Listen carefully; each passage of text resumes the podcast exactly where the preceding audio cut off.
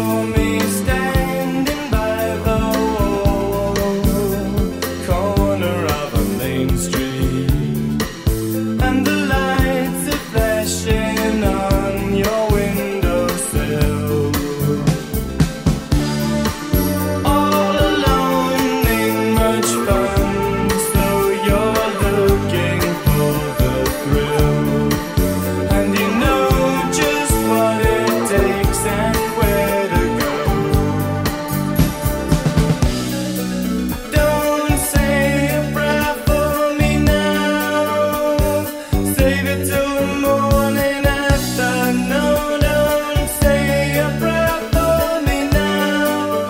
Det var Duran Duran med nummeret Save a Prayer. I lytter til Orange Snak. Velkommen. Mit navn er Kjærsen F. Stolberg, og med mig i studiet i dag har jeg... Asher. Jeg har været her en gang før. Yes, og du er med endnu en gang for, at vi skal gennemgå nogle spicy navne fra Roskildes lineup. Og øh, vi har jo valgt tre hver, og øh, det forholder sig så sådan, at øh, vi skal gennemgå dem. Men inden vi skal i gang med det, så er der lige en masse festivalnyheder fra resten af festivalverdenen. Øh, især fra Danmark, men vi har også øh, nogle internationale nyheder, der er ret interessante at tage fat i, selv fra et dansk perspektiv. Så øh, først og fremmest, vi har lige hørt Duran Duran. Det har vi, fordi at de er blevet annonceret til Jelling Festival. Uh. Øh, er det så noget, der får dig til at tænke, fuck, jeg skal på Jelling? Eller, åh, oh, gid, de var på Roskilde? Eller... øhm, det, det tror jeg ikke, jeg vil Nej. sige. Nej. Øhm, Jeg jeg, har, jeg har hørt mange ting om Jelling Festival. Det skal være meget hyggeligt, men øh, jeg tror ikke, jeg skal derhen selv. Nej. Du, du, de har også øh, Passenger og øh, det gendannede alfabet. Der er wow. Mange ting, som... Jeg tror ikke, det gendannede alfabet kommer på Roskilde. Der er mange ting, som man kun kan få på Jelling der. Eller alfabet kommer til at være masser af steder. Men Passenger, du kan høre Let Her Go, og den anden, øh, det, det, er, det er stort. Jeg har faktisk øh, haft meget lyst til at høre Alphabet øh, på det sidste, fordi jeg har, jeg har set øh, det nye dokumentar, som de har ude. Ja. Ja. Og den er voldfed. Øh, den er på DR, og det er bare... Altså, når man selv er musiker, så er det bare sådan så fedt, og så griner at se. øh, den, den her mærkelige rejse, de har haft fra sådan en gymnasieband, der bare bliver kæmpe stor, og så, du ved, øh, fejler, og bliver stor igen. og sådan. Ja, det kan være, øh, så håber jeg jo, at de måske kommer på en anden festival, jeg skal til. Jeg tvivler meget, meget på Roskilde, men øh, det kan være, at der er en anden mulighed, man får for at se Alphabet, så... Det kunne være. Øhm, og så har vi øh, nogle nye navne til Tønder Festival. De har fået det helt store internationale hovednavn. De har fået Arlo Guthrie. Øh, og så derudover så har de også booket Cara Dillon, Del Barber, Birds of Chicago, Huxlop String Band, Hans Tisnik og Knud Møller. Og så har de booket Claus Hempler og til sidst Kira Skov. Er der noget af det, som øh, fanger din interesse? Jeg har aldrig hørt nogen af de navne. Kira Skov og Claus Hempler er jeg øh, ret begejstret for. De er sådan rigtig dygtige danske singer-songwriters, der har været i øh, branchen i mange år. Men det er jo, ja, det er jo meget sådan folk- og country-festival. Jeg tror også, at øh, det er meget det, som er i det her lineup. Men øh, ja, jeg kan i hvert fald anbefale dig at lytte til noget Arlo Guthrie. Han er søn af øh, den amerikanske folk-legende, der hedder Woody Guthrie. Mm. Øhm, og øh, han er jo blandt andet, hans øh, helt store nummer er den her Ja, øh, jeg tror, den er et kvarter lang øh, fortælling, der hedder Alice's Restaurant, der øh, bare har så mange twists og turns på tværs af de her ja, 11-15 minutter, hvor lang den nu end er. Det er en rigtig god sang, men øh, ja, jeg vil sige, der, der er ikke noget her, jeg længes efter. Men øh, ja, Arlo Guthrie havde været sjovt at se, tror jeg. Øhm, og så har vi den helt store internationale nyhed, at øh, vi har fået simpelthen hele Coachella lineuppet. Coachella er jo ikke, det er ikke den største festival i USA, men det er helt klart den, øh, som er mest et event, som mest får folk til at øh, vende deres blik rundt omkring i verden. Det var der, hvor også øh, Beyoncé famøst for et par år siden lavede øh, den her øh, kæmpemæssige Beychella-koncert, som sidenhen er blevet til også en koncertfilm blandet med en dokumentar, og som øh, ja, har virkelig været et kulturelt vendepunkt på rigtig, rigtig mange punkter. Øhm, og Coachella har også tit været nogle af de første til at breake rigtig, rigtig store ting. Øhm, blandt andet, så deres tre hovednavne i år, det er Rage Against the Machine, Frank Ocean og Travis Scott. Travis Scott er sådan, ja, ham vidste vi nok kom til at spille en masse festivaler. Det er, øh, altså, fed booking og alt det der, men øh, altså, vi ved for det første nok, at han ikke kommer på Roskilde i år, fordi han lige har været der. Ja. Øhm, men så derudover, det er, ikke, det er ikke noget, der virkelig får folk til at spille øjnene op. Men uh, Rage Against the Machine, som vi over vist længe har været gendannet, nu har vi sådan lidt fået bekræftet, at de også er villige til at spille festivaler. Uh, spørgsmålet er så, om uh, alle deres øvrige bekræftede shows er tæt på den amerikansk-meksikanske grænse, og der befinder Coachella sig også. Så spørgsmålet er, om det, det hele er sådan, du ved... Det er jo selvfølgelig, hele deres reunion er indtil videre en stor Trump-protest, hvilket er super fedt og alt det der. Men, øh, men øh, det kunne være ret fedt, hvis øh, de også kunne komme herover og protestere mod Mette Frederiksen eller et eller andet. Altså, Rage against, them, rage, rage against Sjælsmark, eller... Uh. ja, Øhm, men øh, ja, øh, og så har de også fået booket Frank Ocean, hvilket, altså vi vidste, at han, han jo begyndt at udgive noget ny musik igen, og det er rigtig, rigtig spændende. Jeg ved ikke rigtig, om jeg kan lide det, men jeg synes i hvert fald godt nok, det er spændende, det han har udgivet på det sidste. Mm. Øhm, og øh, det ser jo så også ud til, at der er et nyt album på vej, både hvis man ser på hans single artwork, det antyder lidt, at der er endnu flere tracks end bare de to, vi lige har fået. Og øh, ja, at han så også er booket til Coachella, det tyder virkelig på, at vi kan forvente os en del Frank Ocean. Vil du sige, øh, vil du sige ja tak til, hvis øh, Frank Ocean eller Rage Against the Machine kom på Roskilde? det vil jeg i hvert fald. Øhm, jeg var også så heldig at se Frank Ocean øhm, på Northside for nogle Ja. år siden, og det var, altså, han er, han er nok en af mine yndlingskunstnere nogensinde, Ja. og øh, jeg stod allerforrest øh, på Northside, og det var, altså, det var en af de bedste ting, jeg nogensinde har oplevet Stod du allerforrest ved platformen, eller allerforrest ved scenen? ved, ved scenen. Altså Nå, sådan, okay. øh, helt, helt tæt på ham, ikke? Nå, nå, ja, ja, men, men ja, så på hans lille scene der i Nå, midten. altså, det, ja, der var sådan en catwalk-ting, ja. øh, der, der gik ud fra scenen, øh, og så er der, ja, okay, jeg kan se, se hvad du mener. Jeg var Fordi hvis du stod, foran ham, ikke? hvis du stod ja. allerforrest tæt på sådan den rigtige scene, så, eller, så at sige, så havde det måske været sådan, så havde du ikke kunne se særlig meget. Jamen, så skulle man vende sig om. Ja. Ja. Øh, Men jeg stod lige, øh, ja, lige foran ham. Øh, Ja, og ej, hvor stort. Ja. Det, øh, jeg øh, fik først rigtig et godt udsyn til ham til allersidst i den koncert. Øhm, men øh, ja, jeg, jeg var meget splittet og, omkring mine følelser om den koncert, men, men jeg kunne godt se, at sådan, der var ikke nogen anden måde, han kunne have udført den koncert, også selvom at, øh, det så betyder, at han endte med at øh, du ved, miste nogen i svinget, så at sige. Så har vi en masse andre Coachella-navne. Jeg har ikke tænkt mig at kede jer alle sammen med at øh, ramse dem alle sammen op, fordi det vil simpelthen tage alt, alt for lang tid. Men jeg har plukket nogen, som jeg selv synes er rigtig fede, og så Mm. kan du jo sådan lige komme med et yeah, eller hvem, eller øh, ellers tak øh, til... Okay. Øh, Jeg laver nogle uh, live reacts. ja, hvad vil du sige til 100 Gex? Ja, tak. Ja. øh, Caribou og hans alter ego, ego Daphne. Øh, kender ikke. Det er noget rigtig fed elektronisk musik. Øh, Daphne udgav en rigtig god EP her øh, sidste år, og Caribou er på vej med et album, som også lyder rigtig, rigtig lækkert. Øh, Carly Rae Jepsen. Ja, tak. Ja, Charlie XCX. Ja, tak. Kæmpe ja, tak. Code Orange. Kender ikke. Det er et af tidens aller, aller mest banebrydende øh, metalcore bands. De er helt vildt bonkers. Ja. øhm, FK Twigs. Ja, det bliver rigtig godt, tror jeg. Hatsune Miku. Ja, tak. Hvor er det bare bananas, at Hatsune Miku skal spille på fucking Coachella. Nå, Idols. ja, King Gizzard and the Lizard Wizard. ja. Lana Del Rey. Ja, tak. Lil Nas X. Ja. Ja. Hype. No Name. Jeg må indrømme, jeg har det svært med No Name lige for tiden, fordi hun er meget politisk øh, øh, eksplosivt, men jeg elsker hendes musik. Ja. Så ja, tak. Jeg synes, hun var ikke placeret under de bedste omstændigheder på Roskilde sidst hun var her. Jeg ville ønske, at øh, hun kan få en koncert, der ikke er meget tidligt på dagen, mens det regner over det hele. Mm. Øhm, og så hun sådan kan få engageret publikum mere, måske. Ja. Øh, pop. Kender ikke. De er sådan et øh, pop-punk, øh, øh, power-pop band, som øh, ja, laver nogle rigtig ting, interessante ting. Øhm, også nogle rigtig fede politiske budskaber i deres musik, synes jeg. Øh, Princess Nokia. Ja, Ja, jeg elsker Princess Nokia. Hun er så sej. Run the Jewels. Ja, tak. Sean Kuti og Egypt 80. Kender ikke.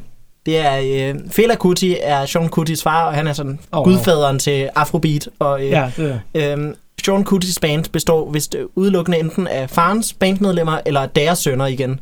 Wow. Så øh, det, det er en helt familietradition, og hvi- hvis du kan lide Fela Kuti, så Sean Kuti laver en fantastisk fest også. Øh, Jeg så, så ham for et par år siden på Orange Scene, og det var, åh, det var fremragende. Slow Tie. Ja. Yes, så det lyder som om, der er rigtig meget på øh, Coachella, som vil være rigtig, rigtig fedt at se.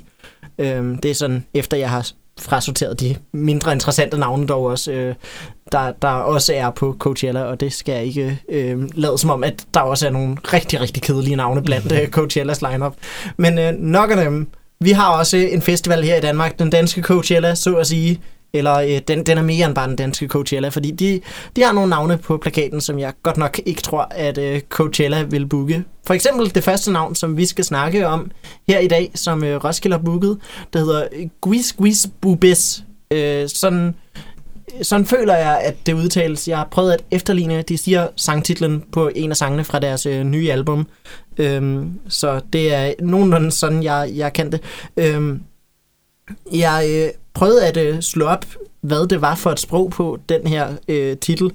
Øhm, og det er vist på Wolof, der er øh, sådan et øh, originalt øh, senegalesisk sprog, mm. Men øh, et sprog, der også ikke er, er inkluderet i Google Translate, kan jeg lige så godt afsløre på forhånd. Øhm, men øh, heldigvis så har Roskildes app øh, sådan en entry omkring Guis Guis Bubes, hvor de oversætter den for os. Så det er oversat i appen til nye visioner. Og Wow. øh, det er et navn, jeg faktisk føler er rimelig passende for, hvad de har gang i. Øhm, de blander nemlig sådan originale senegalesisk øhm, musik, øh, specifikt den genre, der hedder mbalax, øhm, og så blander de det med øh, noget elektronisk musik. Det er en duo, der består af øh, Mortal Azek, som er fra Senegal, og øh, Stéphane Constantini fra øh, Frankrig. Øhm, og ja, i Senegal taler man, udover man taler Wolof, øh, eller det udbredte tale Wolof, det officielle sprog, det er fransk, så der er jo også øh, rigtig god grund til at øh, øh, snakke sammen. Og der er også øh, en, en del fransk, så vidt jeg lige kunne høre. Jeg kan ikke flydende fransk, men jeg føler, at jeg kunne høre en del fransk, da jeg hørte deres plade, øh, som udkom her i december. Øh, og øh, inden da, inden den plade udkom, så føler jeg, at jeg kunne høre en masse potentiale i det, de havde udgivet, uden at det helt havde vundet mig over.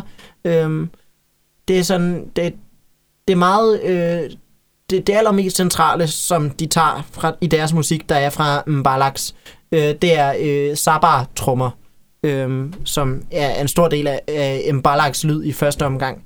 Og jeg har hørt andre bands gøre lidt det samme med at tage noget øh, europæisk elektronisk musik og blande det med noget afrikansk, øh, ja, percussion.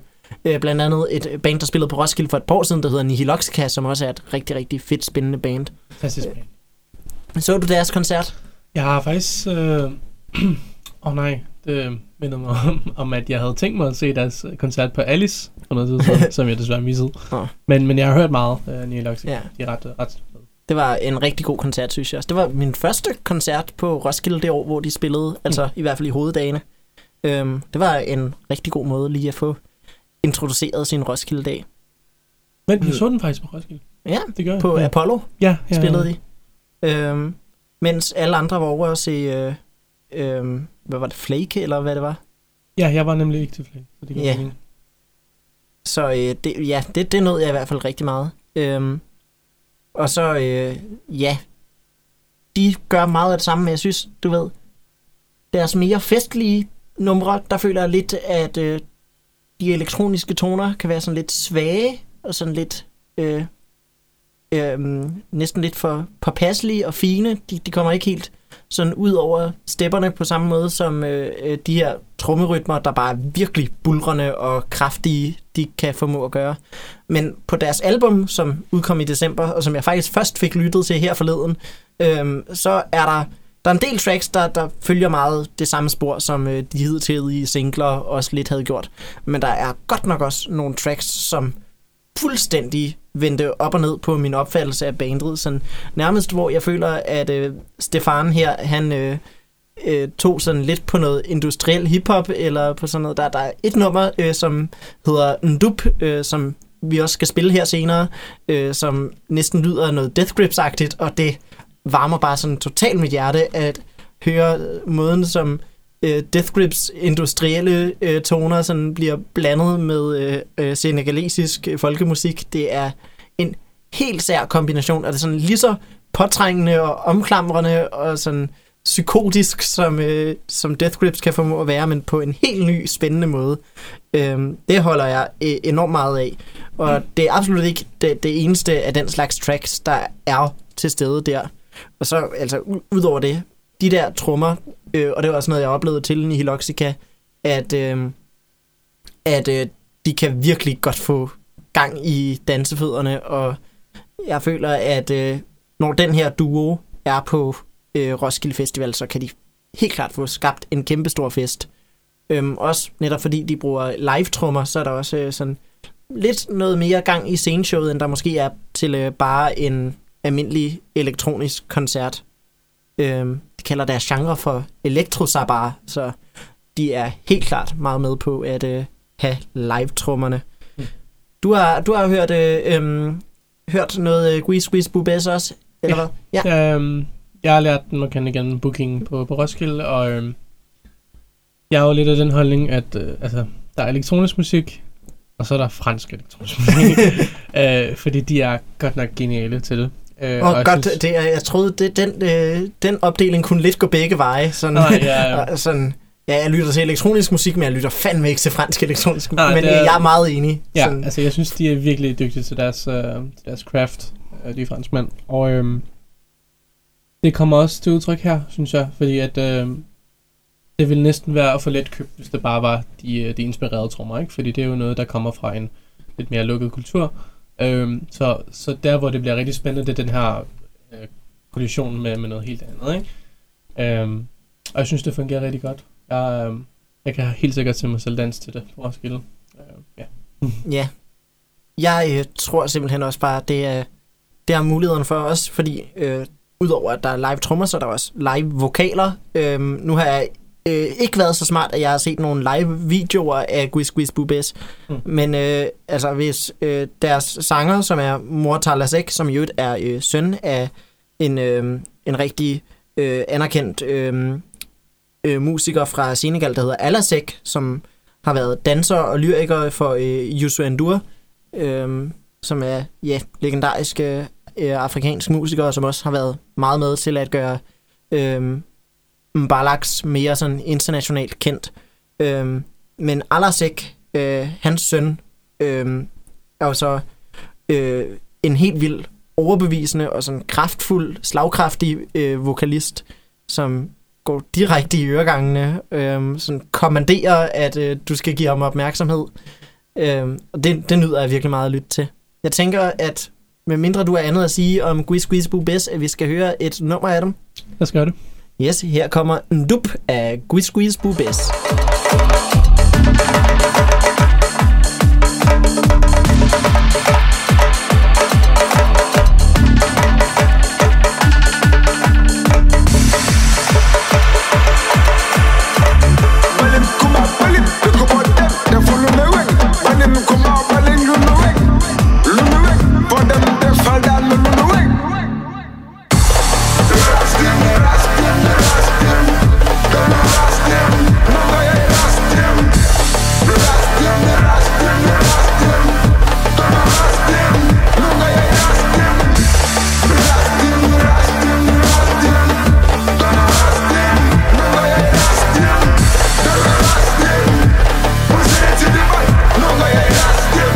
Det her var en dup af Guis Guis Bubes, og øh, nu er vi nået til en kunstner, som du har valgt at tage med, Arsha. Hvem er det? Det er Bette, som, øh, som er blevet booket i år. Yes, og vi skal lige sige, at hun hedder rent faktisk Bette. Det er i, i Roskilde-appen, så hvis man går ind på hendes profil, så står der Bette, parentes Danish for tiny. Det er ikke, hun har ikke valgt det, fordi det betyder Bette. Hun, hun, hun har valgt det, fordi det er hendes navn. ja, Øhm. det, det, det er i hvert fald en mere sandsynlig bud Ja, på, øh, hvorfor hun hun hedder hedder Bette Dantanelle, og jeg, jeg går meget ud fra, at det, det er derfor, at hun vælger at hedde det. Øh, ja, øh, jeg hørte først om hende øh, igen en anden dansk kunstner, som hedder K. Nå, jeg troede, du var på vej til at sige Emil Kruse, men øh, ja, fortsæt. men, men K er jo meget, Meget gode venner. Ja. Det er helt Øh. øh. slæng. ja, præcis. Uh, literally. Øh, fordi det hed sådan en gruppe, der hed Slæng. Nå, det vidste jeg ikke engang. ja, øhm, ja, men øh, jeg har hørt, øh, ja, han havde, han havde bare delt hende på Facebook, på, på, hans, på hendes første nummer, som blev udlig, udgivet, og øhm, jeg lyttede til det, og jeg synes, det var ret fedt, og jeg sådan fulgte bare lidt med, øh, i forhold til, hvad der, hvad der skete med hende. Øh, og så fik jeg faktisk lov til at se hende live øh, til den sidste øh, Vegas udvalgte, Nå, nice. øh, aften. Ja, der spillede hun, og det var et skidegodt show. Øhm, jeg synes, det, det er sådan meget blød dansk sproget øh, R&B, og altså et eller andet sted, så er det også meget simpel pop øh, en gang imellem.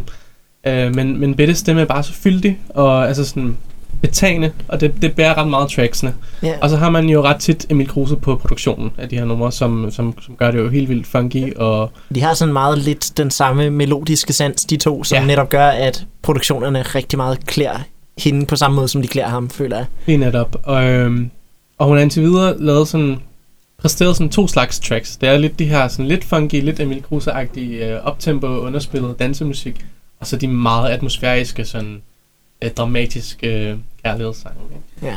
Ja. Øhm, og øh, ja, jeg glæder mig til at se, øh, se hende på, på en lidt øh, større scene med, med flere mennesker. Ja. Og, øh, Hun er jo blevet tildelt Countdown, mener jeg, allerede på forhånd. Ja. Øh, det, altså, hun er i opvarmningsdagene. Ja, Ja, det står her i Roskilde-appen. Hun er blevet tildelt Countdown. Øh, så det, er, det tror jeg også helt klart, det kan, kan blive sådan totalt. Især hvis øh, mod slutningen, det, hun spiller nok nogle af de store, store festtracks mod slutningen, og jeg kan forestille mig, at det kan blive totalt euforisk, sådan som det blandt andet også var, da Emil Kruse gav koncert på øh, Countdown for et par år siden. det var en vanvittig koncert. Det var virkelig, virkelig godt. Øhm, og øh, ja, hun er jo også på vej med et album her i år, så øh, det glæder jeg mig også helt meget til at høre. Jeg har skrevet om hende en del øh, på Soundvenue, som jeg skriver for. Øhm, og øh, der har jeg tit, øh, jeg har tit beskrevet hendes vokal som, at hun virkelig får det til at lyde som om R&B bare er en genre, der er skabt til at blive sunget på dansk, og det er der virkelig, virkelig få, der, der øh, kan præstere. Øh, det, Det er altså en kunst. det lyder virkelig tit kluntet, når man øh, prøver at lave R&B, og især sådan, hun laver ikke bare sådan R&B, R&B, hun laver R&B med en rigtig stor vægt over mod soulgrenen, Mm. øhm, og det er nærmest endnu mere øh, imponerende. Ja. Øh, jeg, jeg har hørt nogle få, der du ved, kan lave øh, R&B i sådan den der lidt mere moody, moderne stil, hvor, hvor det fungerer. Altså, som oplagt eksempel, så Hans Philip kan få det til at fungere rigtig, rigtig godt på dansk også, men det er jo en meget mere sådan, ja, øh, underspillet, øh, melankolsk øh, ting, hvor at, øh, altså Bette, hun går i nærmest total diva-modus nogle gange, ud, selvom jeg ikke helt kan lide det ord helt, Mhm. hele tiden. Men øh, jeg, jeg føler, at øh, det, det alligevel godt kan beskrive øh, bare, hvor ekspressiv og øh, bombastisk øh, Bette nogle gange kan være så, som vokalist. Helt sikkert. Øhm, ja, jeg synes, at øh, det er hun virkelig, virkelig god til. Øhm, jeg øh, føler, at øh, så også bare, at hun er en virkelig god... Nu ved jeg ikke... Øh, regn, nu regner jeg med, at øh, det er hende, der også er sangskriver, for i hvert fald, hvis hun er det, øh, så er hun også en rigtig, rigtig god sangskriver. Øh, det regner jeg med, at hun er. Det er de fleste sådan up-and-coming kunstnere jo. Øhm, så jeg, jeg øh, synes, at hun har et virkelig skarpt øre for melodier, øh, som, som virkelig kan øh, accentuere og få hendes øh, stemme til bare at være totalt medrivende. Ja, jeg kan i hvert fald se her, at hun er, hun er krediteret på de fleste numre, men nogle gange også sammen med producerne, som kan være K eller øh, Emil Kruse. K producerer også øh, nogle gange. Det, det, det mener jeg, han gør. Øh, Nå, nice. Og han har også, det, det ser ud til, at han har skrevet på det nummer, der hedder Hør dem ikke. Nice. Men øh, ja, med mindre at du har mere at sige om Bette, så tænker jeg da, at vi kan øh, høre et nummer af hende og introducere hende til lytterne. Lad os gøre det. Her kommer Bette med Darling. Lidt, det er snart tid, men ikke nu. Mm, jeg mærker videre til, at du giver slip, men ikke nu. Nu vi der puster, sig det til mig, men ikke nu. I vores tanker, til vi ser, vi ikke behøver dem mere. Måske jeg kunne se dig, gør hvad du sagde. Der er langt hen fra tanken Tag det tilbage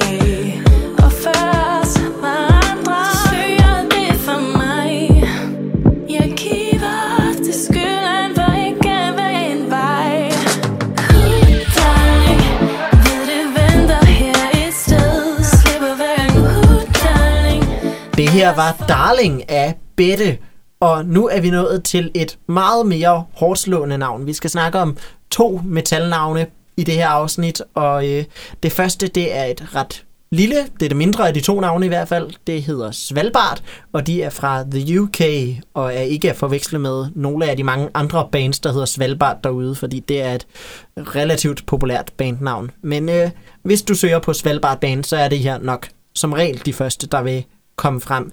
De øh, har udgivet musik sådan det meste af det her forgangne årti, men de fik virkelig et øh, større gennembrud med øh, der, deres seneste album, som udkom i 2018, og som er et meget sådan skarpt politisk øh, album, som øh, går rigtig meget i kødet på øh, virkelig, virkelig mange forskellige øh, aspekter af samfundet. Øh, de, er øh, ikke særlig diskrete i, hvad deres sange handler om. De, de får næsten sådan... Øh, øh, der til at forstå, hvordan nogen kunne tro, at Rage Against the Machine var et apolitisk band. Øh, øh, det, det eneste, der på nogen måde kunne sløre deres budskaber, det er simpelthen, at deres forsangers vokaler er så harsh og så meget omgivet af støj fra de andre instrumenter, at man ikke rigtig altid kan høre, hvad det er, hun synger. Men øh, man behøver heller ikke rigtig at høre det, fordi hvis man bare kigger på sangtitlerne, der hedder sådan noget som Feminazi, spørgsmålstegn, udråbstegn, eller Unpaid Intern, eller re- Revenge Porn, de øh, så handler de sange om lige præcis det, som øh, sangtitlerne antyder, de handler om. Og de øh, er rigtig kritiske omkring samfundets normer på alle øh, aspekter af, øh, af det hele. De er øh, meget aggressivt og ængstelige og vrede omkring det her. Øh, og jeg kan virkelig anbefale at lytte til deres øh, seneste album, It's Hard to Have Hope, mens man har øh, teksterne åbne ved siden af. Fordi hvis man først har teksterne åbne ved siden af, så er det ret let at du ved, forholde sig til, hvad for en linje der var for en linje. Det er ikke svært at høre, hvis man har teksten at forholde sig til samtidig. Men uden teksten, så, så lyder det bare som om, at øh, hun skriger og skråler. Øh, øh, der, deres forsanger er jo et, sådan bare en helt vild gennemtrængende øh, vokalist. Hun hedder Serena Cherry. Øh, af og til er der sådan nogle clean vokaler, men for det meste er det bare fucking harsh, og det er som om, at ja, hun er i gang med at sådan bede dig personligt om, øh, eller ikke bede, hun er i gang med at øh, sådan øh, råbe af dig personligt, at du skal til at øh, ændre på, hvordan samfundet er skruet sammen.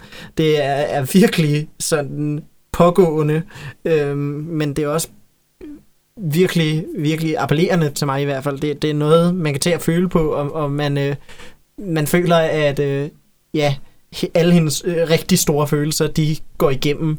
Øhm, og så er det næsten lige meget, at man ikke rent faktisk kan forstå, hvad hun siger. Øh, øh, og ja, med sangteksterne øh, ved siden af, så er det i hvert fald noget, som kan gå helt ind og give dig gåsehud, og sådan man kan tænke, shit, det, samfundet er fandme unfair, og vi bor godt nok i et samfund. Øhm, men øh, men øh, i hvert fald, øh, Svalbard, jeg aner ikke, hvorfor de hedder Svalbard. Det er sådan intet tematisk at gøre med, med deres øh, øh, musik, udover at, øh, ja, jeg går ud fra, at der er koldt i Svalbard, og der, der er sådan meget kold lyd øh, omkring alt deres metal. De trækker sådan meget på øh, black metal, trækker de rigtig meget på. Øh, sådan især af den mere atmosfæriske øh, post-black metal øh, scene. Sådan et band som Death Heaven føler jeg er øh, rimelig oplagt at, at sammenligne dem med i nogle steder. Men så derudover, så har de også, øh, især i deres øh, melodier, rigtig meget, som de tager fra øh, hardcore punk, og især fra post-hardcore, øh, som netop også er sådan nogle rigtig gode værktøjer til at øh, udtrykke al den her angst øh, og, og vrede, som alligevel er den primære drivkraft i løbet af alt deres musik.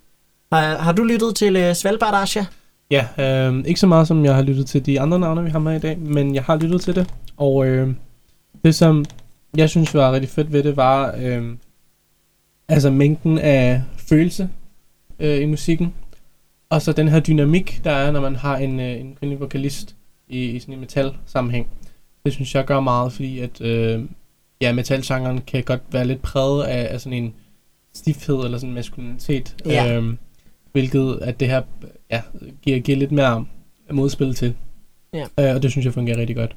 Og, og jeg føler også sådan, der, der kan nogle gange være sådan lidt, øh, du ved, hvis man i metalmiljøet siger, at det vil være fedt med flere kvinder i metal, så er der tit nogen, der siger, Nej, men er det ikke lige meget, om de er kvinder eller mænd, så længe musikken er god? Og sådan, både og, men sådan et album, som det Svalbard har produceret her, det er et album, der bare ikke kan komme fra en mand. Øh, sådan, Yes. Altså et af, eller i hvert fald ikke, øh, ja, fordi det, det rigtig meget handler om netop øh, de undertrykkelser, som kvinder specifikt er underlagt. Og, det handler som altid altså om det, og det kan en mand godt gå op i, selvfølgelig, på alle måder, men øh, Øh, en mand vil aldrig nogensinde kunne føle det med samme angst, så, som, øh, som øh, hun er i, i stand til netop at øh, gøre, og det, det vil føles forceret, hvis der var en, en, en mand, der prøvede at synge de her tekster. Øh, er i hvert fald mine holdninger. Det er også øh, min gode ven øh, Emil øh, skrev, øh, Emil Hansen, han øh, har skrevet for Devolution. Øh, han er lige stoppet med at skrive for Devolution. Men øh, den sidste artikel, han nogensinde skrev, det var en sådan opsamlingsartikel om året, der gik, hvor han også skrev rigtig meget, at det samme også rigtig meget gør sig gældende for lingua ignota, at sådan, nogle gange så er den gode, kø, den gode kunst bare kønnet på en måde, som er rigtig vigtig at forholde sig til. Altså, på, på samme måde, så vil jeg sige også, øh, en kvinde kan ikke lave sådan noget, som Alex Cameron for eksempel gør, hvor han øh, totalt dekonstruerer øh, maskulinitet, eller som Dorian Electra for den sags skyld også gør med, også at dekonstruere maskulinitet. Både hen, en kunstner, som vi henholdsvis har talt tidligere om, fordi at øh, Alex Cameron kommer på Roskilde, og vi rigtig godt kunne tænke os at se Dorian Electra mm-hmm. på Mhm. Roskilde. Øhm, men det er i hvert fald noget, jeg totalt meget også føler gør sig gældende øh, med Svalbard, at kønnet enormt meget betyder noget her, fordi det handler også om de erfaringer, man kommunikerer gennem sin musik. Ja, altså, jeg har i, min, øh, i mit liv på universitetet læst en del om, om repræsentation og, og hvad det gør for, for det budskab, man kommer ud med. Og, og som du siger, så er det nogle gange bare sådan kønnet, fordi at det, det kommer fra det autobiografiske udgangspunkt, som, som, som udtrykker det, ikke? Øh, og det, det vil jo være naivt at ignorere det, eller Ja. ja. sige, at det ikke betyder noget, fordi det er enormt øh, betyd, betydningsfuldt for, for den oplevelse, man har af, af verden. Ikke? Altså, det, ja, det kropslige, sanselige øh, Ja. ja. måde at se verden på. Det er kønnet. Yes. Og øh, med, med det sagt, så øh, tænker jeg, at vi kan høre en meget, meget kønnet sang øh, lige her, med mindre du er andet at sige om Svalbard. Nej, lad os gøre det. Øh, jeg tror også bare, jeg vil sige, at de har nogle rigtig fede guitarteksturer, som er rigtig smukke og eteriske, og som giver et rigtig godt backdrop, inden vi skal høre den her, øh, ja, som sagt, meget kønnede sang. Her kommer Revenge Porn. Den handler om lige præcis det, du tror, den handler om. Øh, Revenge Porn af Svalbard. Yeah,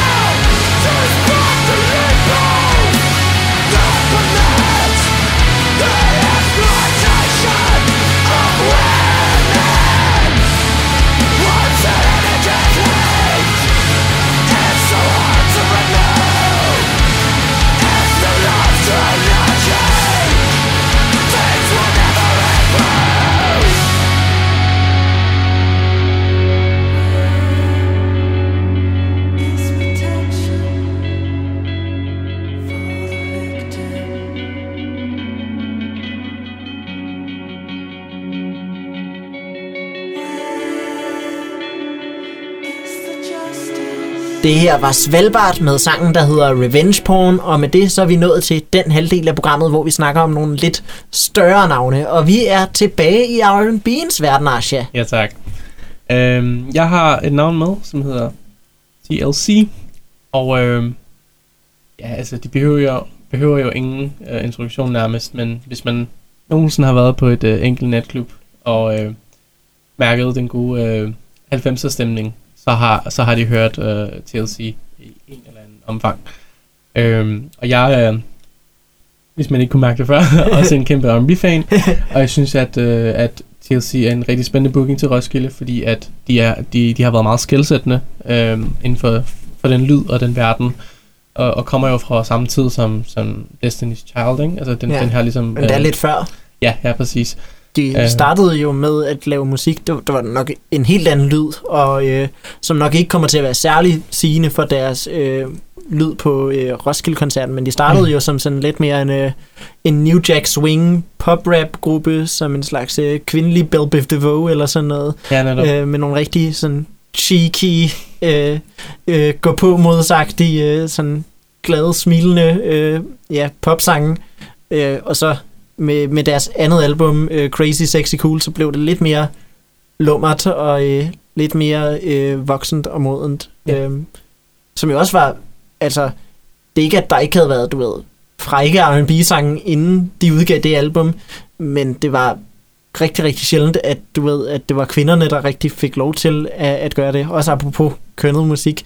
Så der, der, der var stadigvæk øh, totalt meget et stigma omkring det, inden at de kom, og øh, de var totalt meget med til at aftabuisere øh, kvinder, der snakkede, øh, der sang om sex i R&B'ens verden. Mm. Øhm, helt sikkert. Og, øhm, og det er jo helt sikkert øh, sådan en, en kerne R&B ting, ikke? Øh, efterhånden.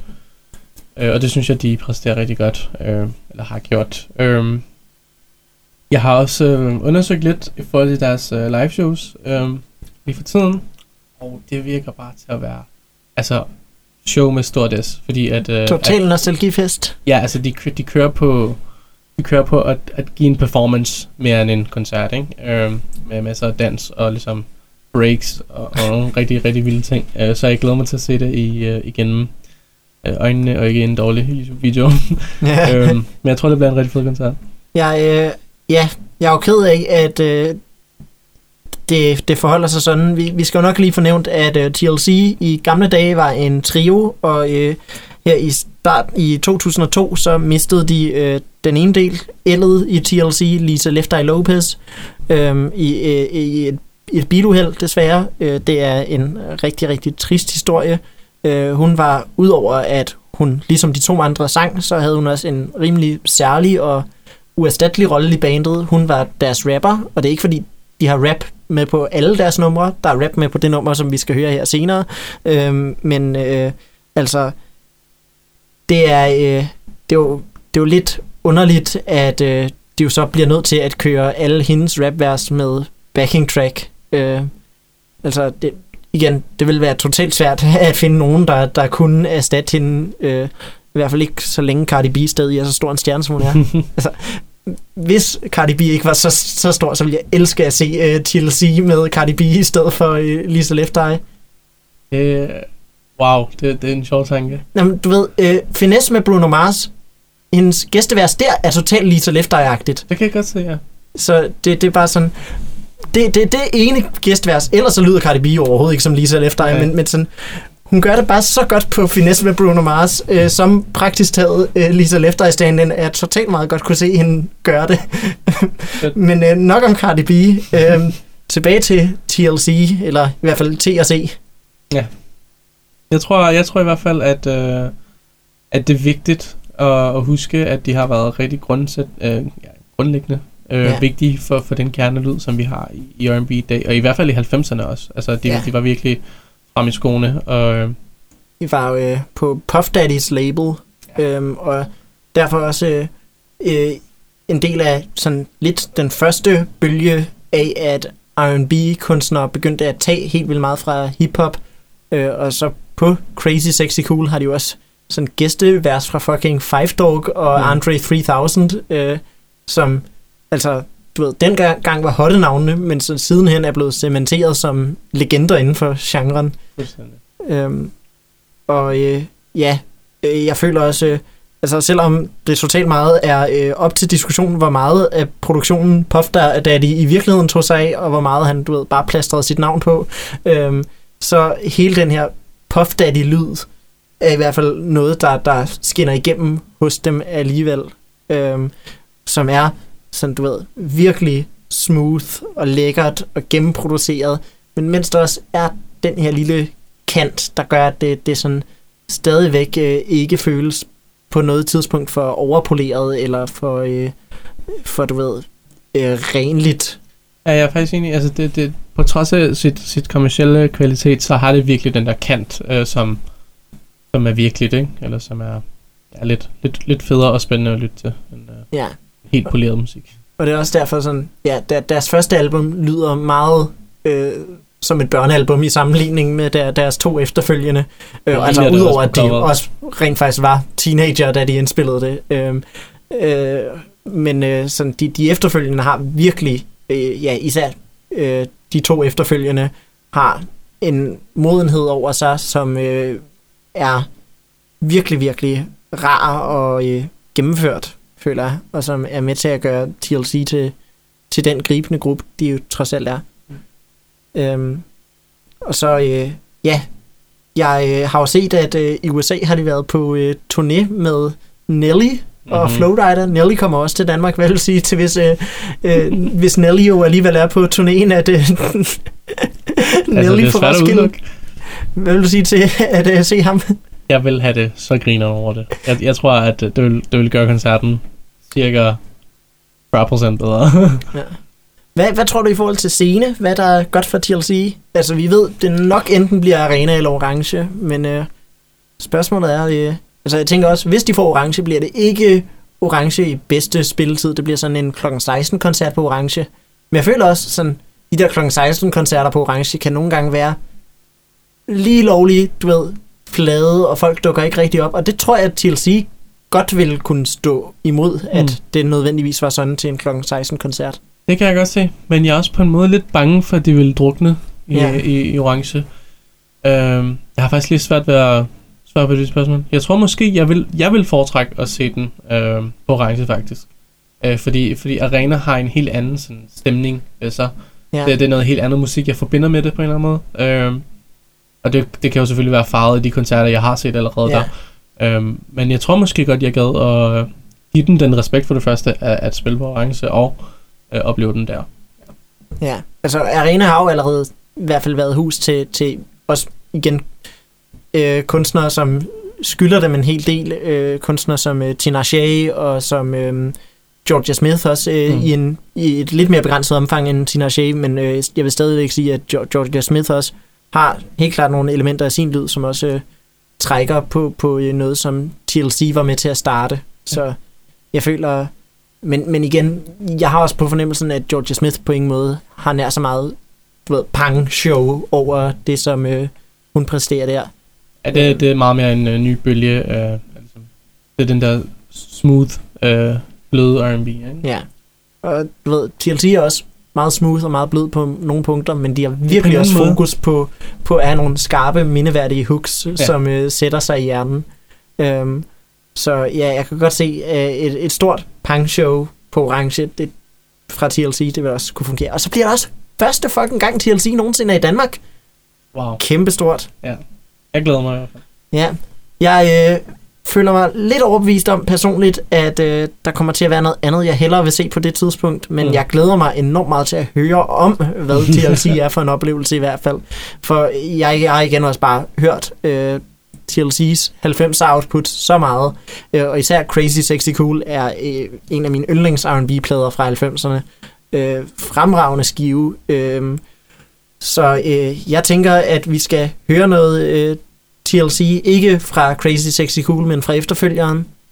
Øhm, her kommer et nummer, der hedder No Scrubs. Yeah,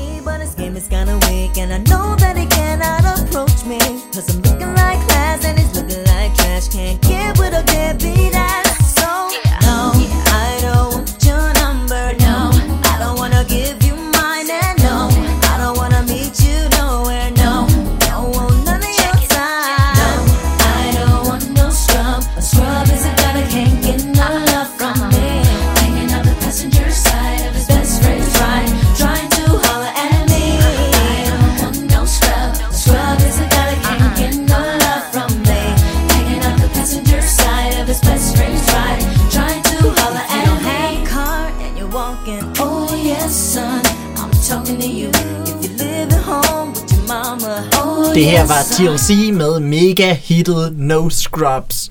Og vi er nået til det næst sidste navn, mit sidste navn, og det er øh, endnu et metalnavn. Det er denne gang Deftones.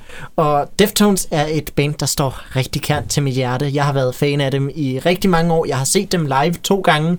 Øhm, og jeg skal godt være ærlig at sige, det nuværende tidspunkt føler jeg ikke rigtig en trang til at se dem live for en tredje gang. Det var, det var rigtig fine første gang, jeg så dem. Anden gang følte det som lidt af det samme, og jeg nød det egentlig ikke helt nær så meget. Jeg tror, jeg siger, jeg fik øh, ødelagt mine briller lidt til den øh, koncert, så det kan være, at øh, det, det ødelægger øh, lidt min øh, lyst til at se Deftones igen. Øh, men øh, altså, Udover den ene bagatel af mine briller lidt kigge i stykker, mm-hmm. og øh, stadigvæk har sådan en lille bitte fli i et af sine glas på grund af den Deftones-koncert, øh, så, øh, så synes jeg, at de er et enormt spændende band. Øhm, de startede i 95, eller de udgav deres første plade i 95, og øh, de to første år af deres levetid var de et nu metal band. Øh, en del af den her altid udskilte bølge af metal, øhm, hvor de øh, sådan, ja, stod side om side med øh, Slipknot og Korn og øh, Limp Bizkit. øhm, og øh, det var sådan dem, man holdt dem op imod, og jeg føler, at sådan, som tiden er gået, så øh, i hvert fald øh, især Limp Bizkit er der nok ingen, der vil sammenligne Deftones med længere. Gudskelov. Ja. Gudskelov. ja.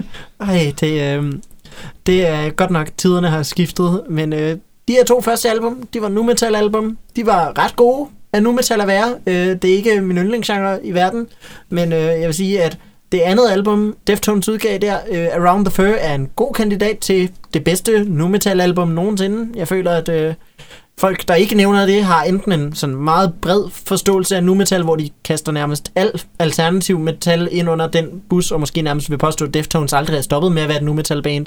Uh, og sådan, ja, det er de samme folk, der også vil kaste System of a Down ind i den kategori. Øh, men sådan, hvis man ikke har så bred en opfattelse af nu metal igen, øh, hvis man har den samme opfattelse, som jeg har, så, du ved, så føler jeg, at de eneste nævneværdige modkandidater er det første Slipknot-album, det første Korn-album, og øh, hvad hedder det, øh, Roots af Sepultura. Men øh, jeg føler helt klart, at Around the Fur af Deftones slår dem alle sammen med mil. Det er så ufatteligt gennemført et album. Øhm, og jeg føler også, det, det er sådan, det er det første, der lidt viser, at de måske er interesseret i at gøre mere og andet, end bare at lave nu metal også. Altså, deres debut er et fint nu metal album også, men, men jeg føler ikke, den er så grænsesøgende, som Around the Fur alligevel er. Og jeg føler heller ikke, at sangskrivningen er så stærk, som den er på Around the Fur, som bare er, øh, ja, et rigtig, rigtig fucking stærkt album. Øhm, og jeg føler, at du ved, hvis de var et hvert band, så havde de bare fortsat med at lave Around the Fur resten af deres karriere. Øh, det er et album, der er så godt, at man stort set bare kan lave det igen og igen, og derudover hvile på laverbærene, og nok have rimelig stor succes i metallens verden derefter. Øhm, men Deftones er ikke sådan et band. Deftones er et ualmindeligt legesygt band, som øh, virkelig godt kan lide at tage og trække på nogle øh, indflydelser, som man ikke typisk ser i metalverdenen, øh, som måske er blevet mere øh, almindelige siden da, men som var totalt øh, out of the question dengang Deftones udgav deres tredje og nok mest definerende album, øh, det der hedder White Pony, som er mere eller mindre et mesterværk, og jeg bliver bare så glad af at tænke på White Pony. Øh, det er øh, sådan et album, der, der går så meget forud for øh, så meget genrekrydsen, som vi ser inden for metal i dag, og som øh, jeg føler nemlig øh, også nærmest omfavner øh, ideen om metallens mulige alsidighed, som øh, jeg føler det eneste band før dem, som rigtig kunne nå dem til sokkerholderne i det aspekt, det var øh, Faith No More, som er altså også genialt band, øh, som jeg vil elske at se på Roskilde Festival i øvrigt. Ja, men øh, jeg har faktisk, øh, i forhold til det, vi snakkede om tidligere med, med nu metal bands, der kom jeg lige til at tænke på en, en lille skjult gem faktisk. Ikke? Og Og det er, jeg, jeg glemte faktisk også en. Øh, jeg ved ikke, om vi tænkte på den samme, men det er Hybrid Theory af Linkin Park, jeg tænkte på. nej, det er ikke det. Ikke en, jeg så godt selv kan lide, men det er sådan en, mange nævner som et af de helt store nu metal album. Jamen, den her, den er, den er jeg, jeg føler ikke, der er så mange, der kender den, måske. Det er det album, der hedder Science af Incubus. Ja, åh, jeg har set Incubus live engang. Jeg Ja. har aldrig været særlig meget inde i deres musik. Øh, men jo, øh, Incubus er jo et virkelig godt liveband, vil jeg sige. Jeg så dem på Northside for nogle år siden, hvor også var første gang, jeg så Deftones. Øh, og det var til Deftones-showet på Northside, at øh, jeg virkelig blev forelsket i, i dem. Og det er næsten underligt, at Incubus ikke vagte det samme i mig, fordi det var en virkelig god koncert, også selvom jeg aldrig rigtig tidligere havde været inde i deres musik. Øhm, men jo, Incubus har totalt meget talent også, opdagede jeg til den koncert. øhm, og jeg skal da helt klart dykke ned mere i, i deres univers. Øhm, men jeg synes i hvert fald, at øh, Deftones måde at, at gå til genre, den bliver virkelig interessant på øh, White Pony, som ja, også ikke bare er et nu metal album længere. Der er faktisk næsten ingen af de der hip-hop elementer til stede længere, som du ved, meget domineret deres to første album. Øh, og det er heller ikke nær så sådan, øh, du ved, aggressivt længere. Det er meget moody og ængstligt og øh, ondt i mavenagtigt, men ikke på sådan en dårlig måde. Det, det er, øh, de, de har mange eteriske elementer. De begynder at drage på rigtig meget shoegaze, og de begynder også at øh, melodisk, der har de gjort det noget tid, men at tage endnu flere elementer fra post-hardcore, og begynder endda også at øh, kigge på noget så langt fra mainstreamen, som øh, øh, det, der hedder post-metal, som vi jo tidligere snakkede om i form af øh, Armin Ra blandt andet.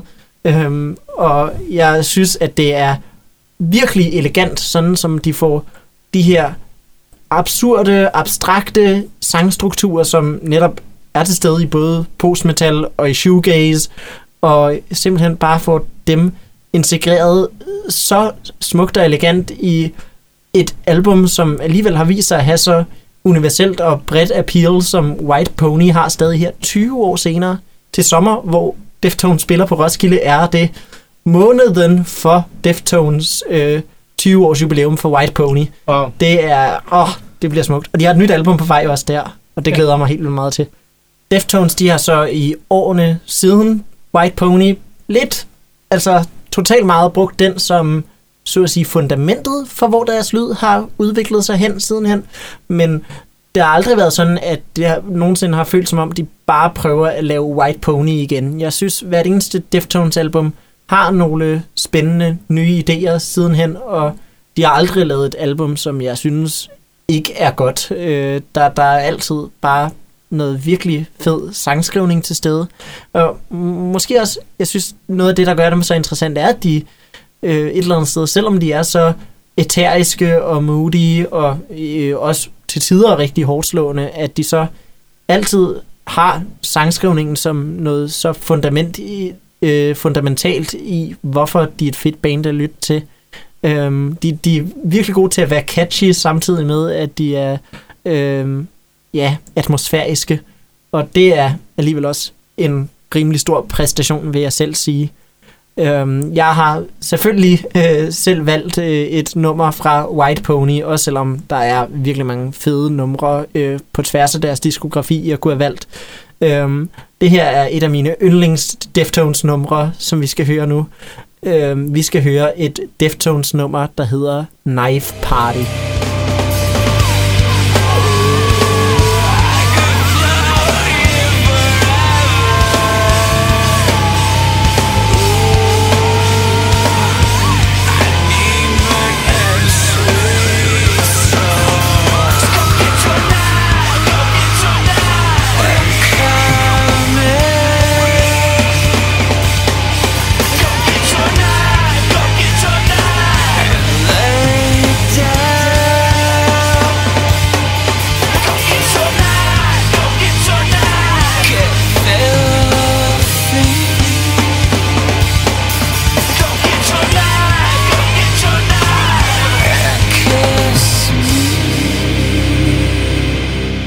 Det her, det var Knife Party af Deftones, og det er bare sådan en smuk, velkonstrueret sang, hvor alle de forskellige små dele går sammen for at skabe en så utrolig sammenhængende, drabelig, ængstelig enhed. Og nu skal vi til noget musik, der på ingen måder er nær så drabelig eller ængstelig. Hvem er det, Asha?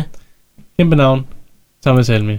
Thomas Helmi, som simpelthen nu er blevet bekræftet til, at han skal spille på Orange Scene, kan jeg se inde i min Roskilde Festival app. Ja, tak. øh, og sådan, ja, hvad ellers skulle man, hvor, hvor skulle man ellers sætte Thomas Helmi? Han kunne også være sådan en, en god, du ved, klokken 16 på Orange Koncert, hvor at, du ved, det ikke vil føles underligt, at han er så tidligt, men at øh, han også totalt meget godt kan fylde og skabe en fest på det tidspunkt, føler jeg. Det er lige præcis det, der er det magiske ved Thomas Helmi. Det er, det er lige meget, hvornår på døgnet det er. Det er en fest. Det er altid bliver en fest Altså, med Thomas Helmi. Ja. Jeg, jeg føler, øh, han, han totalt meget kan få folk til at troppe tidligt op. Det, øh, ja, helt sikkert. det skal der ikke herske den mindste smule øh, tvivl om. Man skal spille om lørdagen, så, øh, Det bliver en fest. så øh, mens du er lidt træt, i tvivl om, om øh, der stadig er gang i dig, så skal du vide, over på den orange scene der, der står Thomas Helmi, og han er klar til at spille røven af bukserne på dig. Øh, Der står altså dansk kulturarv på den scene. Yes. Det, øh, det, det, er, jo, det er jo kæmpestort. Øh, Thomas Helmi, 30 år lang karriere, over 30 år karriere. karriere. Det, øh, hans det, solodebut er fra 87. Øh, den hedder To. Meget underligt navn til et debutalbum, men øh, det- Max Marco synes også, det var et godt, go- en god titel, så jeg ved Ja. ikke helt, hvad, hvad der sker for det. Øhm, de har også begge to covers med bare en fyr, der står alene og har et lidt øh, fjollet ansigtsudtryk på. Det, det er på mange måder præcis den samme plade, og på nogle punkter over, overhovedet ikke den samme plade. Magda Marcos 2 og Thomas Helmis 2. Øhm, Jeg kan virkelig godt lide den her sammenligning. ja, øhm, jeg, jeg føler, vi er totalt øh, ved at øh, være sådan på sporet af, af noget helt genialt. Øhm, jeg vil faktisk sige, øh, nu øh, Tho- Thomas Helmi, han øh, er jo lidt jeg vil jo faktisk våge at påstå, at han er lidt tredje led i vores øh, R&B-trilogi, vi har kørende her. Ja, det kan man øhm, du, du har kun valgt uh, R&B-kunstnere. Øh, de, de fleste vil jo bare sige, Thomas Helmi, han er jo den der danske popstjerne, og det er, jo, det er jo rigtigt. Det er jo totalt meget rigtigt.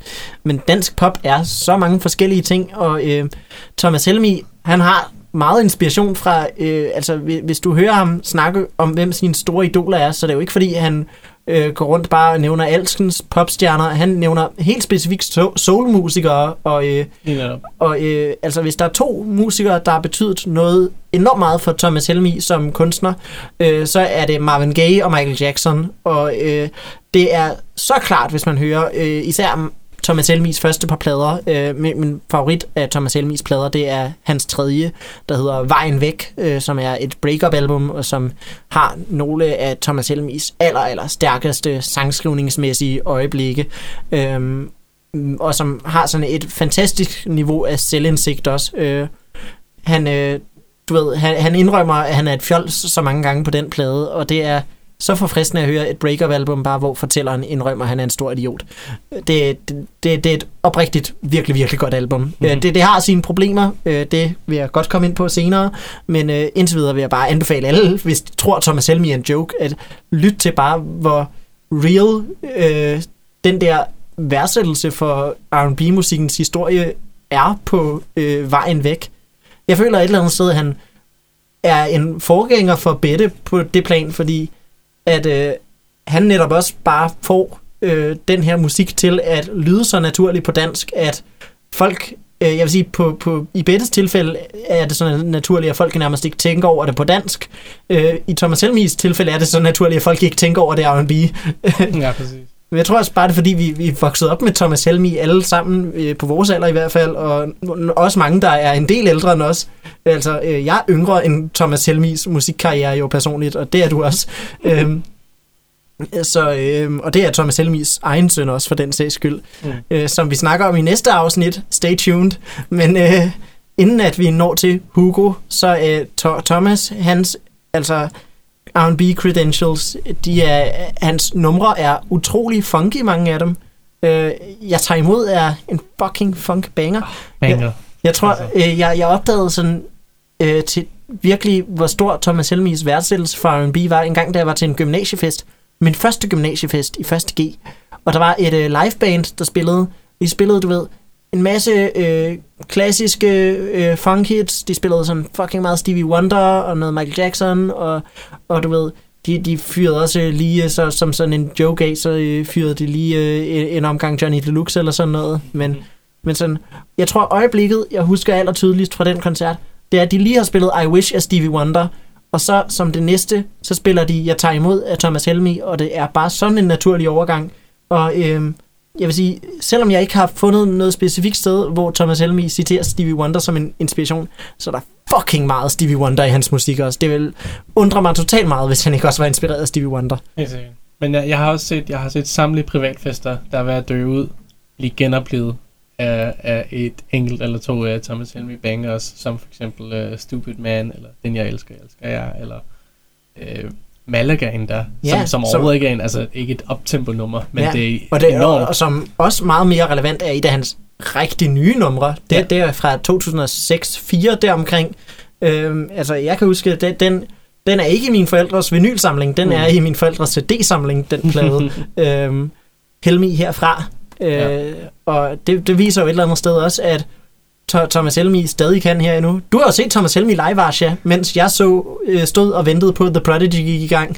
Ja, øh, og det er faktisk et valg, som på daværende tidspunkt, der, øh, der havde jeg en, en faktisk en ironisk distance til, øh, fordi at jeg havde, øh, jeg havde ikke rigtig øh, dyrket ham så meget, øh, og jeg var på Northside med en, øh, med en god ven, og vi var sådan, okay, øh, der er allerede vildt mange mennesker til Prodigy, øh, og lad os bare få en oplevelse ud af det. Jeg tror, det ville blive øh, grineren, og det blev det, sørme, fordi at vi kunne måske altså teksten til et par numre, ikke? altså de her store bangers, men hold nu op en stemning, der var rundt om os med de her mennesker. og I var jo også i Thomas Helmis fødeby, Lige Aarhus. præcis. Ikke? Altså, at der, der var bare kæmpe stemning, og jeg kan fortælle dig, den der sceneshow af alle klædte hvidt, af scenen hvid, øh, der, der er alle mulige objekter på scenen, som, som gør det totalt elegant, og Medina kommer ud, og altså sådan, det er bare... Øh, man er- bliver virkelig grebet af den der sådan, virkelig funkede lyd, som livebandet hed, som i øvrigt er noget, jeg, jeg ser rigtig meget frem til, til, til den her koncert, det er, øh, altså live-musikken har han eddermame med styr på. Ja. Øhm, ja, og det, det, det var bare virkelig en, en kæmpe oplevelse for mig. Så deraf blev den ironiske distance fuldstændig fjernet, og jeg er kæmpe Thomas Helmig. Har han også sådan øh, øh, trompetister og saxofonister med på scenen? Hele muligheden. Nej, det er nemlig Ej, sådan... det, det, jeg, det ved jeg ikke, om Ja, jeg ja. kan love, men, men det var jo men det virkelig havde der. Øhm, for jeg, jeg, jeg, du ved, jeg hører nogle gange de der gamle Thomas Helmi-plader, og du ved, jeg føler af og til, shit, den der saxofon lyder bare som om det er en synthesizer, mm. og du ved, det lyder godt, men det ville lyde sådan meget mere fedt, hvis det var en rigtig saxofon. Øhm, og jeg føler også bare, at det, det måske kan give det hele noget, noget lidt mere liv, når man øh, er til en koncert, og han rent faktisk har en saxofonist med på scenen. Altså, det, det, det er bare lige i forhold til lige før. Jeg, jeg er ikke sikker på, om, uh, om han det, har en saxofonist. Ja, fordi det, det ved jeg ikke, om jeg kan huske, om der var der. Øh, Det- jeg, det- jeg ved i hvert fald, at bandet spillede meget mere til, end jeg havde forventet. Altså, det var et, et, et funket øh, instrumental, der var, der var til, ikke? Øh, så, så det var Så- i den omfang. Kan, jeg kan ved man ikke, om jeg kan måske uh, sammenligne ham med, uh, jeg ved ikke om du så den koncert, men uh, den efterhånden næsten nylegendariske optræden fra Bruno Mars for et par år siden? Om jeg kan sammenligne det med det? Ja, om, Ja, om det er altså- sådan nogenlunde det samme, man kan forvente? Ja, energimæssigt helt sikkert. Altså, nu Bruno Mars jo også... Det, det er meget mere sådan karikeret funk nogle Ja. gange, ikke? Men jeg føler, Øhm. at de begge to har enormt meget det til fælles, at de har studeret og undersøgt legenderne inden Ja. for genren. Det kan vi godt være enige om. Det, Ja, altså det tror jeg ja, bliver sådan. Bruno Mars, når han prøver at være super oprigtig, så kan det nogle gange måske blive lidt for flødet. Ikke at Thomas Helmi ikke bliver lidt for flødet, men øh, altså, jeg vil sige, øh, When I Was Your Man kommer aldrig nogensinde til at ramme mig nær så meget, som det er mig, der står herude og banker på. Nej, klart. Simpelthen aldrig nogensinde. Nej. Øhm, eller nu, hvor du har brændt mig af. Øh, Ej, det, er- det er jo sådan en smuk tekstbid. Jeg har hørt så mange gøre grin med den, men det er som om, at de bare ikke, ikke forstår tekstbiden, og jeg er den eneste, der er klog nok til at forstå Thomas Helmis lyrik, jo. klart. øhm, det er, jeg siger det ikke, fordi at jeg ikke har noget bedre at sige. Øh, nej, men øh, det kommer nok en dag, når fornuften vender tilbage. Men når jeg nu savner dig, hvordan kan du så undvære mig? Hvis man bare tager det sidste der, totalt isoleret fra det første, så lyder det bare som om, øh, at han er totalt selvcentreret. Man sætter det jo netop i kontekst af, at han har enormt svært ved at finde på noget, der er fornuftigt at sige oven på det her breakup. Øhm, og det er jo netop også fra det fantastiske album Vejen Væk. Øhm, og jeg tror også, ja, vi kan lige så godt også sige det. Øhm, vi kunne, hvis vi gad, totalt meget udplukke en serie af Thomas Helmis mest pinligste øjeblikke på tværs af hver plade. Øhm, Så nemt. og, og, og bare sige, øh, Øh, få, få det til at se totalt kikset ud. Øhm, jeg, jeg har lyttet til ikke alle Thomas i plader men jeg har ikke lyttet til en eneste endnu, hvor der ikke er et enormt pinligt øjeblik. Øhm, og øh, øh, jeg, jeg synes, at øh, øh, på debutpladen, så er det sådan, han har en øh, Vi skal redde verdens sang. Øhm, jeg kan ikke huske, hvad den hedder, men den, den er enormt corny, og den er, er bare sådan, åh, ville verden ikke bare være et bedre sted, hvis der var fred på jorden? Altså, jeg har ikke så meget mere at sige end det, men det lyder så oprigtigt. Øhm, på øh, øh, Vejen Væk, som ellers er et virkelig fint album, synes jeg, så øhm, han har et øhm, funk-cover af Gasolins Sirenesangen, øhm, som øh, jeg tror, jeg vil sige, er noget, jeg aldrig vidste, jeg havde brug for i mit liv. Og øh, som jeg nok også øh, af og til kommer til at skippe, når jeg hører den sang, fordi den nogle gange bare er, er lidt for pinligt at høre en funkudgave af Gasolins Sirene-sangen. øhm, man skulle lave den i en doom metal udgave. Det ville være godt.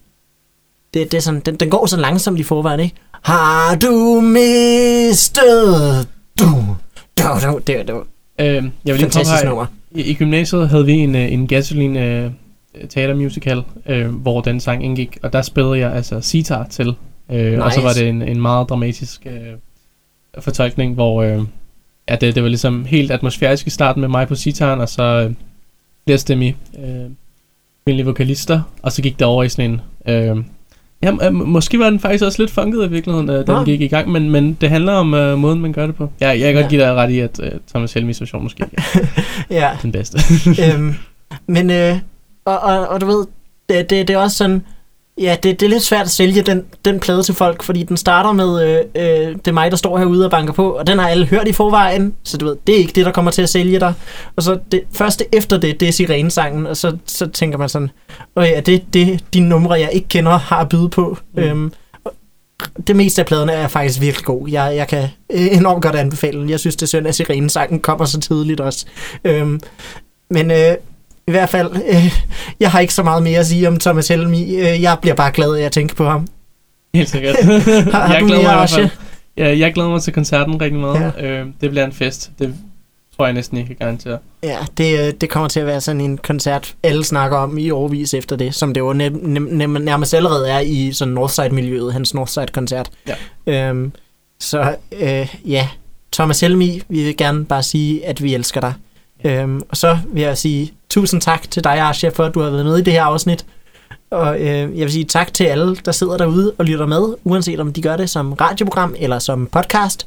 Som podcast, så kan Orange Snak findes på Podimo, på øh, Spotify, på SoundCloud og på Apple Podcasts. Og hvis man vil høre det som radioprogram, så kan vi høres hver søndag kl. 16 på Rockkanalen. På en søndag i et lige ugenummer, så er det et nyt afsnit, og en søndag i et ulige ugenummer, så er det en genudsendelse af det foregående afsnit. Så øh, det er vist det, vi har at sige i forhold til, øh, til alle de godter. Øh, gå ind og like os på facebook.com-orangesnakpodcast. Og tusind tak, fordi I lyttede med igen. Vi ses om to uger.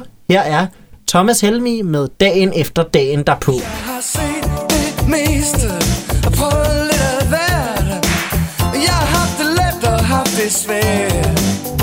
Brændt mit lys i begge ender, koste hvad det vil.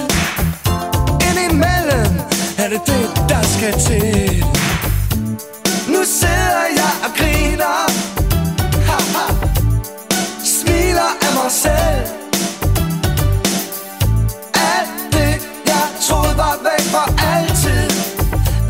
to